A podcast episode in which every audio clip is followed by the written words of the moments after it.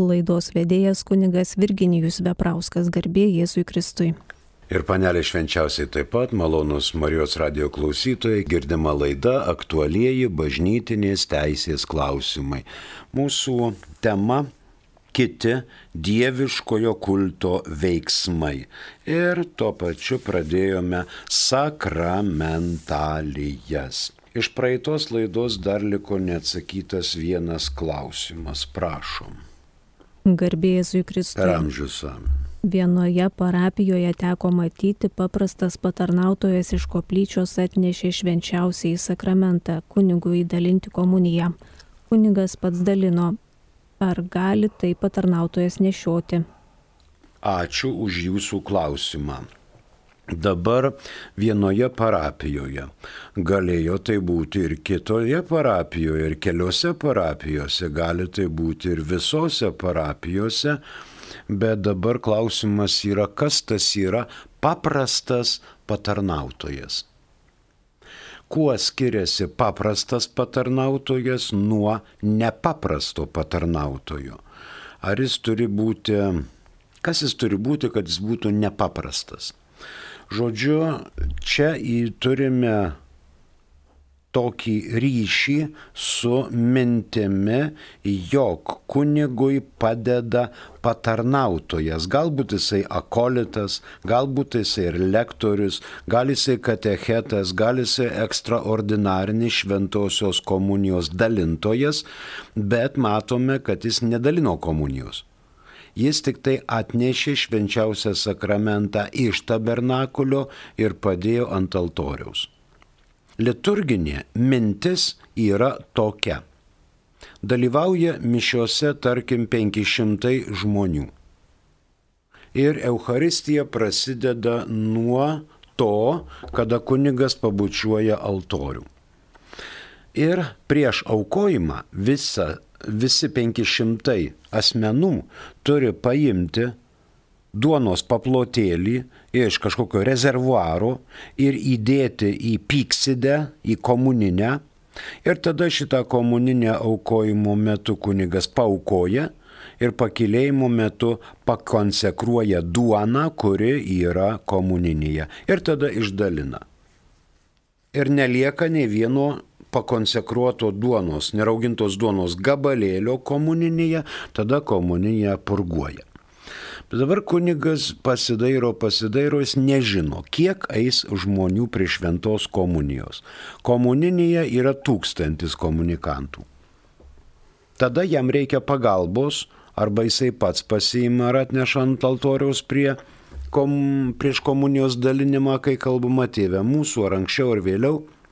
Ir tada jisai išdalina tuos 500 ir žiūri, kad dar 500 liko komuninėje. Tada jis paduoda patarnautojui, kaip jūs sakot, paprastam, galbūt šventimų neturinčiam. Šitas patarnautojas, pavyzdžiui, katechetė, nuneša komuninę į tabernakulį ir ten įdeda pagarbiai, priklaupia, uždaro dureles ir pasitraukia. Taip galima. E, tuo labiau, jeigu kunigas yra garbingo amžiaus, o ten laiptų daug visokių kilimų pritiesta ir taip toliau, ir taip toliau. Galima. Galima, jeigu kunigas galvoja, kad neturi teisės, jis gali kreiptis į vyskupą ir pasako, jau man virš 60 metų, jau yra kelienai nelabai lankstosi ir riešas nekaži koks, kad aš negaliu taip vat, labai greitai dalinti. Man reikia bent sekmadieniais pagalbininko, kuris atneštų iš tabernakulio pyksidę ir pastatytų ant altoriaus. Vyskupas su mielu noru tokį leidimą suteikia Tik kad nebūtų čia tas paprastas patarnautojas, kokių aštuonių metų berniukas arba mergaitė, kuris nepasiekė tabernakulio durelių, pats gali nusiversti tais laiptais eidamas, kad nebūtų kažkokio cirko, bet būtų žmogus e, doras, patikimas, pamokytas, žinomas bendruomenėje, priimtinas, kaip sekmadienio nuolatinis lankytojas ir taip toliau, kaip skaitovai, kuriuos visa bendruomenė žino. Taip gali. Toks dalykas yra galimas. E, dar viena žinutė atėjo dabartinėje laidoje, prašom. Garbėzui Kristui. Esu, Esu impulsyvus, konfliktiškas, žaidžiu kitus žmonės ir dėl to paskui gailiuosi. Kiti mane dėl to laiko nemaloniu ir piktu žmogumi. Esant galimybėje atsiprašau, reguliariai einu iš pažinties ir iš šventasias mišes melžiuosi. Ar mano maldos, pavyzdžiui, iš kitus žmonės bus išklausytos, nes kiti ir aš pats save laikau dideliu nusidėliu? Klausė Artūras. Ačiū Artūrai. Impulsyvumas nėra nuodėmė, kaip ir neštumas nėra nuodėmė. Dabar konfliktiškas. O jūs atsistokite namuose vienas prieš veidrodį ir išsiliekite šitos konfliktus tame kambaryje, kur niekas jūsų negirdės. Kam būti konfliktiškam prie kitų žmonių? Nes jūs sukūrė Dievas ir aplinkinių žmonės taip pat yra sukūręs Dievas. Ir mielus, ir nemielus, ir genijus, ir marginalus. Kam čia su tais konfliktais susimta, aš nežinau. Ir koks tikslas e, būti konfliktiškam. E, ieškokite būdų, kaip nebūti konfliktiškam su kitais. Ir nežeiskite kitų žmonių kad paskui nereikėtų vėl gailiuosi, vėl įžeidžiu, vėl gailiuosi, vėl įžeidžiu. Toks bangavimas yra toksai teniso kamoliuko šokinėjimas pykšt, pokšt, pykšt, pokšt, pykšt, pokšt, vėl iš naujo. E, padarėt keletą ciklų, žiūrėkit, kas yra ne taip, ką reikia keisti, kad to nebūtų. Na, kiti, aišku, laiko nemaloniu, piktu, esant galimybę atsiprašau. Tai, kad nereikėtų atsiprašinėti, jūs to ir nedarykite. Kad atsiprašot yra gerai, bet geriau nedarykite, kad nereikėtų atsiprašyti. Na, dabar ar mano maldos pavyzdžiui, už kitus žmonės bus išklausytos. Dievo vietoje aš e, išklausyčiau taip jūsų maldas per pusę. Bet jeigu jūs mm, darytumėt pažangą ir mažiau konfliktuotumėte, tada jau gal kokie 75 procentai maldų jūsų turėtų būti išklausytos. Bet teisėjas yra Dievas ir kai nueisite ir pamatysite viešpatį veidas veidan, va tada jis jums pasakys, kiek procentų už kitus jūsų maldos buvo išklausytos. Melstis reikia. Ne tik už kitus, bet ir už save. Mes visi esam nusidėjėliai, mūsų tarpe čia šventų nelabai egzistuoja, todėl ir prieš šventasias mišes mes visi kalbame. Esu kaltas, esu kaltas, esu labai kaltas. Arba mano kaltybė, mano kaltybė nes taip akcentuoti, esu kaltas. Nu, tai jeigu kaltas, tai čiuoškai iš pažinties nusimk, gauk išrišimą nuo savo kaltybių ir būk nekaltas. Bet toksai mitiguotas dalykas, pavyzdžiui, mano kaltybė. Mano kaltybė. Mano didelė kaltybė. Nes aš kad ir teisus, o Jėzus sako, ir teisus žmogus per dieną nusideda 77 kartus. Tai jau ne du, ir ne trys kartai. Tai jau yra daug. Ačiū Artūrai. Bažnyčia meldžiasi ir už jūs, kad, nebūtų, kad nebūtumėte konfliktiškas ir nežeistumėte kitų žmonių. Kam čia to užsiimti? Geriau liaukitės. Ačiū. Na, daugiau turbūt atėjo dar kokia žinutė. Ar neatėjo? Neatėjo. Neatėjo mes eikime tiesiogiai prie 1168 kanono apie sakramentalijų teikėją. Šeši sakramentalijų teikėjų grupės jau šnekėjom, dabar septintoji grupė yra egzorcizmas į pagalbą ateina 1172 kanonas, du paragrafai. Niekas negali teisėtai atlikti egzorcizmų apsėstiesiems, jei nėra gavęs ypatingo ir aiškaus vietos ordinaro leidimo. Antrasis.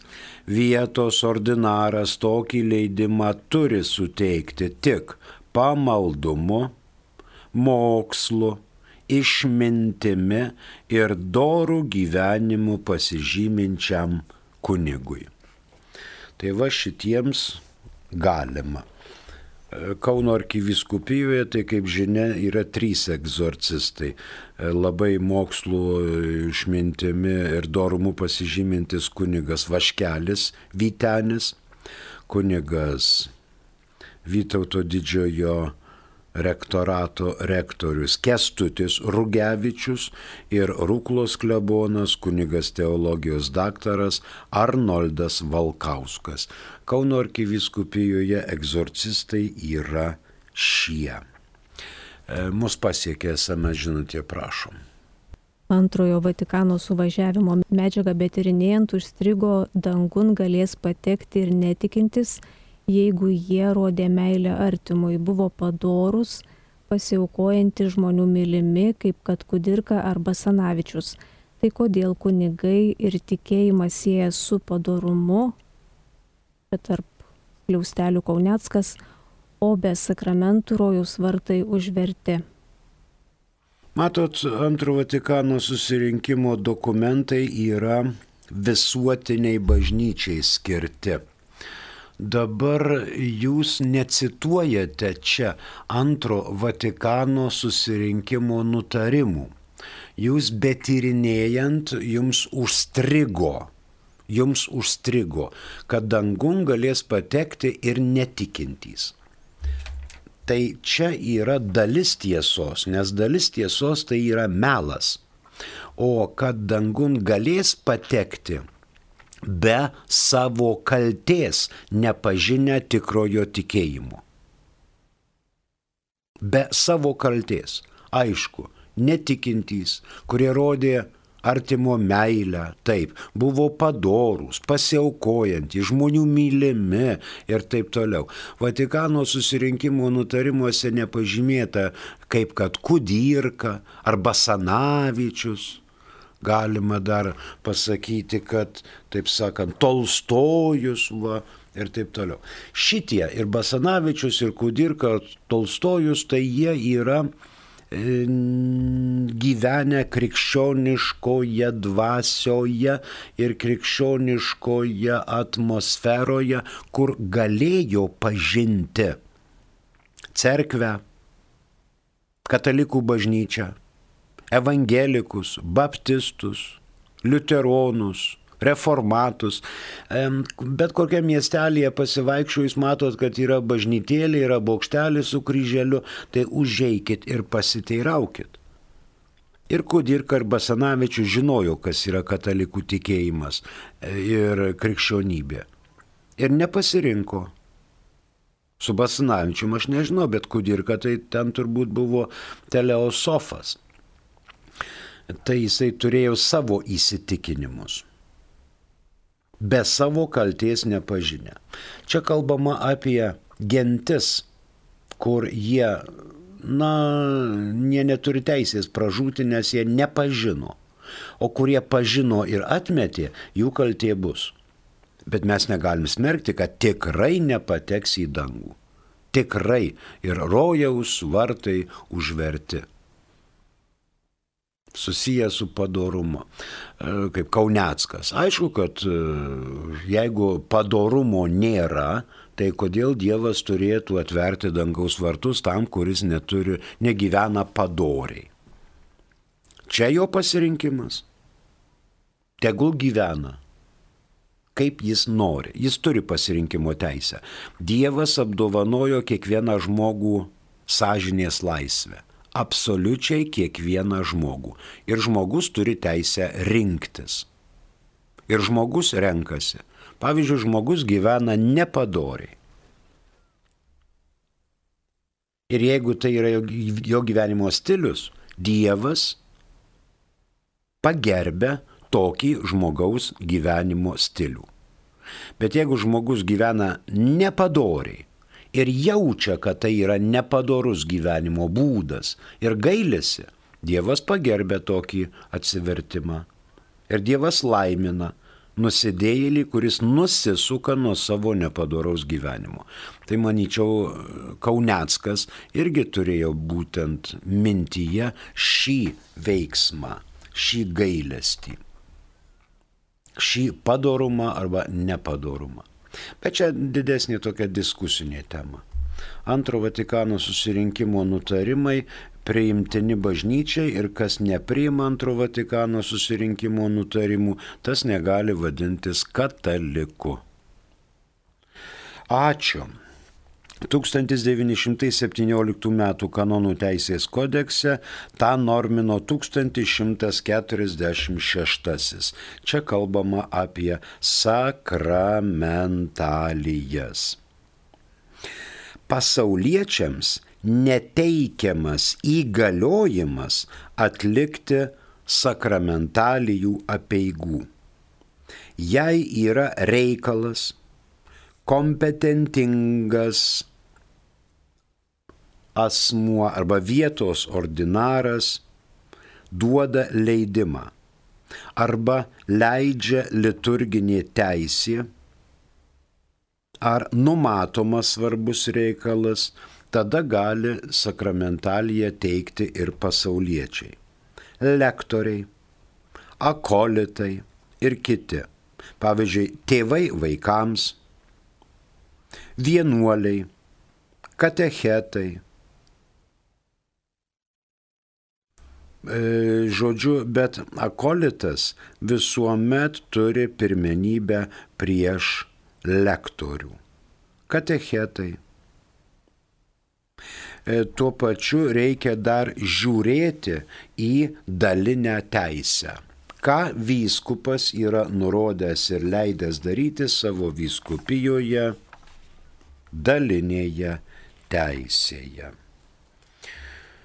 Na, turbūt jau šitą 1168 pasibaigėme ir fiksuokime. Sakramentalijų teikėjas yra atitinkamą galę turintis dvasininkas. Kai kurias sakramentalijas pagal liturginių knygų normą vietos ordinaro sprendimu gali teikti taip pat ir tinkamomis savybėmis pasižymintys pasauliečiai. Toliau 1169 turi tris paragrafus. Pirmasis - galiojamai konsekruoti ir dedikuoti gali tie, kurie yra pašventinti vyskupystės žyme ir kunigai, kuriems tai leidžiama pagal teisę ar teisėtų suteikimu. Antrasis. Palaiminimus, išskyrus tuos, kurie rezervuoti Romos popiežiui ar vyskupams, gali teikti kiekvienas kunigas. Ir trečiasis, diakonas gali teikti tik tuos palaiminimus, kurie jam aiškiai leidžiami pagal teisę. Na 1169. Tai šiek tiek e, su, susmulkina 1168 apie tai, ką gali pasauliečiai ir ką gali dvasininkai. Rezervatą yra, pavyzdžiui, apaštalų sostui, netgi su negaliojimo sankcija mums ateina į pagalbą, pavyzdžiui, dešimtasis kanonas. Niekinumą ar neveiksnumą nustatančiais laikytini tik tie įstatymai, kuriais aiškiai nustatoma, kad aktas yra niekinis arba asmuo neveiksnus. Jeigu sakramentalija, kuri yra rezervuota kunigui, vykdo pasaulietis, tai yra ir nustatyta. Tai yra negaliojantys sakramentalijų veiksmai. Toliau 835 kanonas, pirmasis paragrafas. Pareigą šventinti visų pirma vykdo vyskupai, kurie yra aukštieji kunigai pagrindiniai Dievo paslapčių dalytojai, bei viso liturginio gyvenimo jiems pavestoje bažnyčioje tvarkytojai, skatintojai ir saugotojai. Toliau galim žvilgterėti į 1206 dedikuoti kokią nors vietą priklauso diecezniam vyskupui ir tiems, kurie jam prilyginami pagal teisę. Jie gali patikėti pareigą atlikti dedikaciją savo teritorijoje bet kuriam vyskupui. Arba išminties atvejui kunigui. 1207 šventosios vietos laiminimas ordinaro tačiau bažnyčių palaiminimas yra rezervuotas diecezniam vyskupui ir abu gali tam deleguoti kitą kunigą. Žodžiu, net ir neturintys vyskupo sakros gali būti deleguota. Pagal 1206 vietos vyskupas gali deleguoti šitiems dalykams ir kitą kunigą. Dabar kita mintis pagal 604 kanoną pirmąjį paragrafą. 604 kanonas pirmasis paragrafas. Į šias pašvento, pašvestojo gyvenimo formas panašus luomas mergelių, kurios išreikšdamos šventą siekį kuo ištikimiau sektų, sekti Kristumi, pagal nustatytas liturginės apeigas dieceznio vyskupo pašvenčiamos Dievui ir mistiškai sužadėto su Dievu, su Dievo sūnumi Kristumi pasiaukoja bažnyčios tarnystei. Taigi mergeles irgi priima vietos vyskupas, tačiau jisai gali deleguoti šią teisę ir kunigui.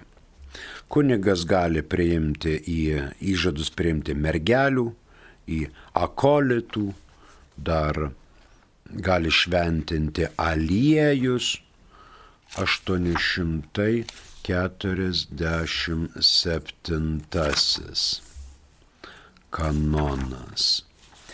Teikdamas sakramentus, kuriuose reikia naudotis šventaisiais aliejais, dvasininkas privalo naudoti iš alyvų ar kitų augalų išspaustus vyskupo vėliausiai konsekruotus ar palaimintus aliejus.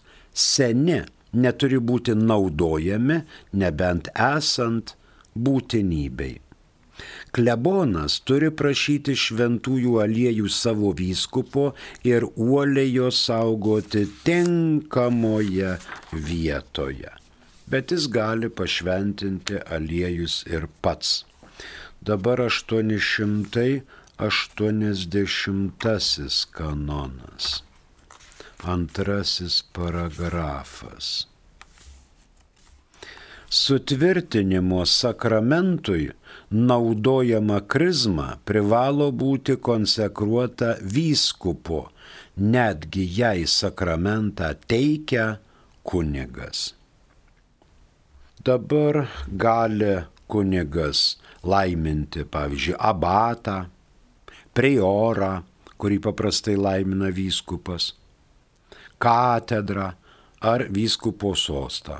Kunigas laiminti gali tačiau gavęs įgaliojimus ir leidimus. E, vyskupas paprastai laimina,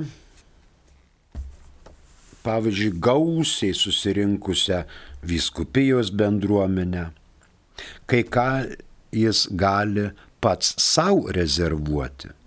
Pavyzdžiui, laiminti misionierius, laiminti krikštyklą, laiminti varpus, vargonus, kapines, į vilktuves, reiškia, seminarijų sutanas e, klierikams, kertinį akmenį, Šitos dalykus vyskupas gali pats savo rezervuoti.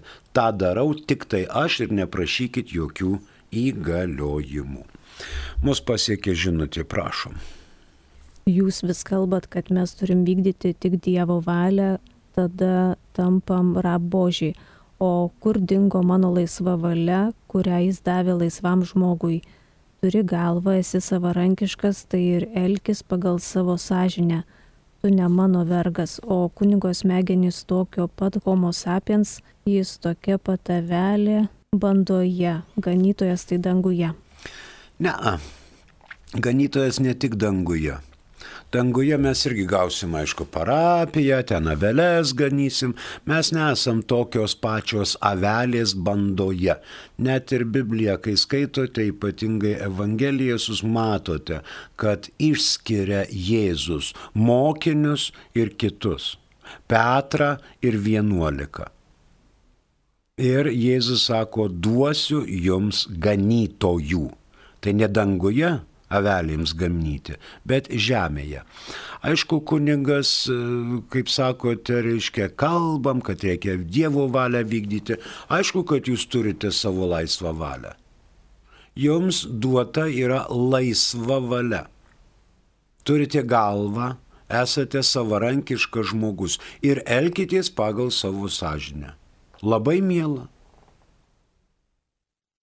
Labai miela, kai žmogus elgesi pagal savo teisingai suformuotą sąžinę. Nes vienaip galima suformuoti sąžinę, na, paprastas pavyzdys. Štai, ešelonas ten kokiais 49 metais vežami į Sibirą lietuviai.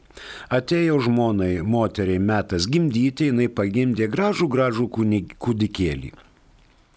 Vystyklų nėra, vandens nėra, vagonas daro čiukų, čiukų, čiukų, čiukų, čiukų, čiukų ir atėjo laikas ten į, į parą kartą staptelėti, pavyzdžiui, saviem reikalam arba iešmininkas paprašė, kad traukinys sustotų. Sargyba pamatė, kad moteris jau pagimdžiusi vaikutį, gražutį, galvytė kaip ramunėlė, paėmė iš mamytės rankyčių mandagiai, išplėšė kūdikėlį, mestelėjo į viršų ir nušovė ir liko mėsos gabalytis.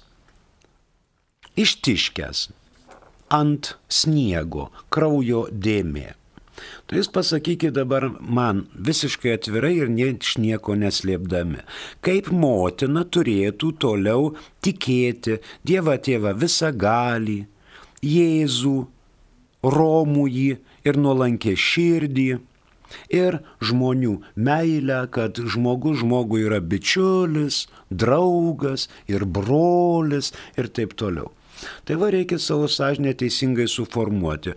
O šito totalitarizmo akivaizdoje labai sunku išlaikyti net netikėjimą, bet žmogiškumą. Todėl bažnyčia ir meldžiasi, kad turintys laisvą valią galvą ant pečių, savarankiškumą, elgtųsi pagal savo teisingai suformuotą sąžinę, kad mano teisės pasibaigė, kur, e, kur kertasi su kito pareigom. Kažkas kitas irgi turi kažkokias savo teisės. Aš negaliu buldozeriu pervažiuoti visų kitų teisės ir pareigas ir sakyti, aš taip noriu. Kitas irgi yra žmogus su kitu irgi reikia diskutuoti. Štai jisai. O tie ganytojai,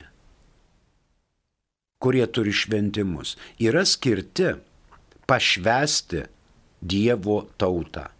Pašvesti, kad Dievo tauta jaustųsi saugi, kad Dievo tauta jaustųsi vedama teisingu keliu ir elgtųsi pagal Jėzaus nubrėžtą mokslą. Ačiū už klausimą. Dabar kitas dar čia yra. Ar kenčia tik žmogus Jėzus, ar ir tie trys viename asmenyje už mūsų sukurtas nuodėmes? Kūrėjas yra Dievas ir vienintelis kūrėjas yra Dievas. Pikta dvasia nėra kūrėjas. Ir mes, kaip žmonės, sutverti ir į Dievo panašumą ir paveikslą, nėra, nesame nuodėmių kūrėjai. Mes esame nuodėmių darytojai. Tai yra negatyvas. Dabar Jėzus tai ne vien žmogus. Jėzus yra ir Dievas, ir žmogus. Prieš tuos kokius 7-800 metų jau pradėjo intuityviai dailininkai jausti, kad, žinai, jeigu Jėzus Kristus kenčia ant kryžiaus, tai negali Dievas tėvas nosies krapštyti arba žiūrėti televizorių. Dievas šventoji dvasia negali kavą gerti ir šypsotis. Negali. Jeigu sūnus kenčia, kenčia tėvas ir šventa dvasia, tas jau atsispindi paveiksluose per, prieš kelis, kelis šimtus metų tapytuose. Tik tai antras Vatikanų susirinkimas visai neseniai atnešė tą mintį, kad jeigu kenčia sūnus, privalo kentėti ir tėvas, ir šventoji dvasia. Tai yra vienas Dievas. Ir visi trys asmenys kenčia. Už tai, kad sukūrė žmogų ir žmogus nusisuko nuo Dievo per gimtąją nuodėmę. visi trys viename asmenyje negali būti, yra vienas Dievas trijose asmenyse. Bet čia jau brangiai teologija, jau čia mes ne, ne, neklimkime į šitos. Čia yra laidelė aktualieji bažnytinės teisės klausimai. Ir mes jau turbūt mūsų laikas kaip ir lyg išseko ir 1169 mes žinoma esame nepabaigę aiškintis. Nepabaigę aiškintis, o džekas iškrito. Perskaitykit. Ar nenaivu manyti, kad žmogus gali sugriauti Dievo planus, o gal ir buvo toks planas sunaikink Hitlerius ir Stalinus, negimusius, nes kai jie ateis, visiems bus pragaras. Paklausėt, iš kur tokia informacija, Dievas davė žinę. Malonas tas jūsų Dievas, jeigu jūs tą Dievą rašote iš mažos raidės. Mes paprastai katalikai jau net, net kunigėliai stengiamės iš didžiosios raidės parašyti žodį Dievas. E, čia didelė diskusinė tema, didelė. Žmogus nepajėgus sugriauti Dievo planų. Nepajėgus nepajėgus. Žmogus yra tik tai kūrinys, o Dievas yra kūrėjas. Mes nepajėgėme sugriauti Dievo planų. Bet jeigu jūs norite Dievą prajuokinti, tai pasakykite savo planus. Ateities planus, ką jūs ketinate, norite daryti. Tai tikrai Dievas pasišaipys ir sakys, nu čia, žinot, biški, mano galvoj ne taip, o bus va taip, kaip aš noriu. Dievas duoda įkvėpimus, Dievas pasaulį veda savo keliu, nežiūrint ar mes turintieji Dievo apdovanojimus - laisva valia, protas, ten galim elgtis šiaip arba galim elgtis taip. Dažniausiai mes sukylame, mums nepatinka toks Dievas. Mes norim, kad Dievas būtų mūsų vergas, kad mes prašytume ir Dievas vykdytų. Deja, ne. Dievo tokio nėra, dar toks Dievas negimė. Čia vėl diskusinė tema, galėsim, jeigu jūs turite čia sunaikink hitlerininkus, stalinininkus, čia visokius tuos įstus, astus, mes galim šnekėti, bet mato, čia yra bažnytinės teisės klausimai daugiau nenoriu užimti eterio, nes tai yra bažnytinės teisės klausimai. Kokie čia hitlerininkai, stalininkai teisėje. Čia yra žmogaus, čia yra filosofiniai dalykai. Žmogaus laisvė ir Dievo neįsikišimas į žmogaus laisvę. Dievas tiek yra protingas, kad davė žmogui e, galimybę sukurti atvaizdą savo atvaizdą, kito atvaizdą. Tai yra kūrybinė gale. Ačiū su jumis atsisveikinu, buvo labai malonu paplepėti su Dievu. Prie mikrofono buvo kunigas Virginijus Veprauskas.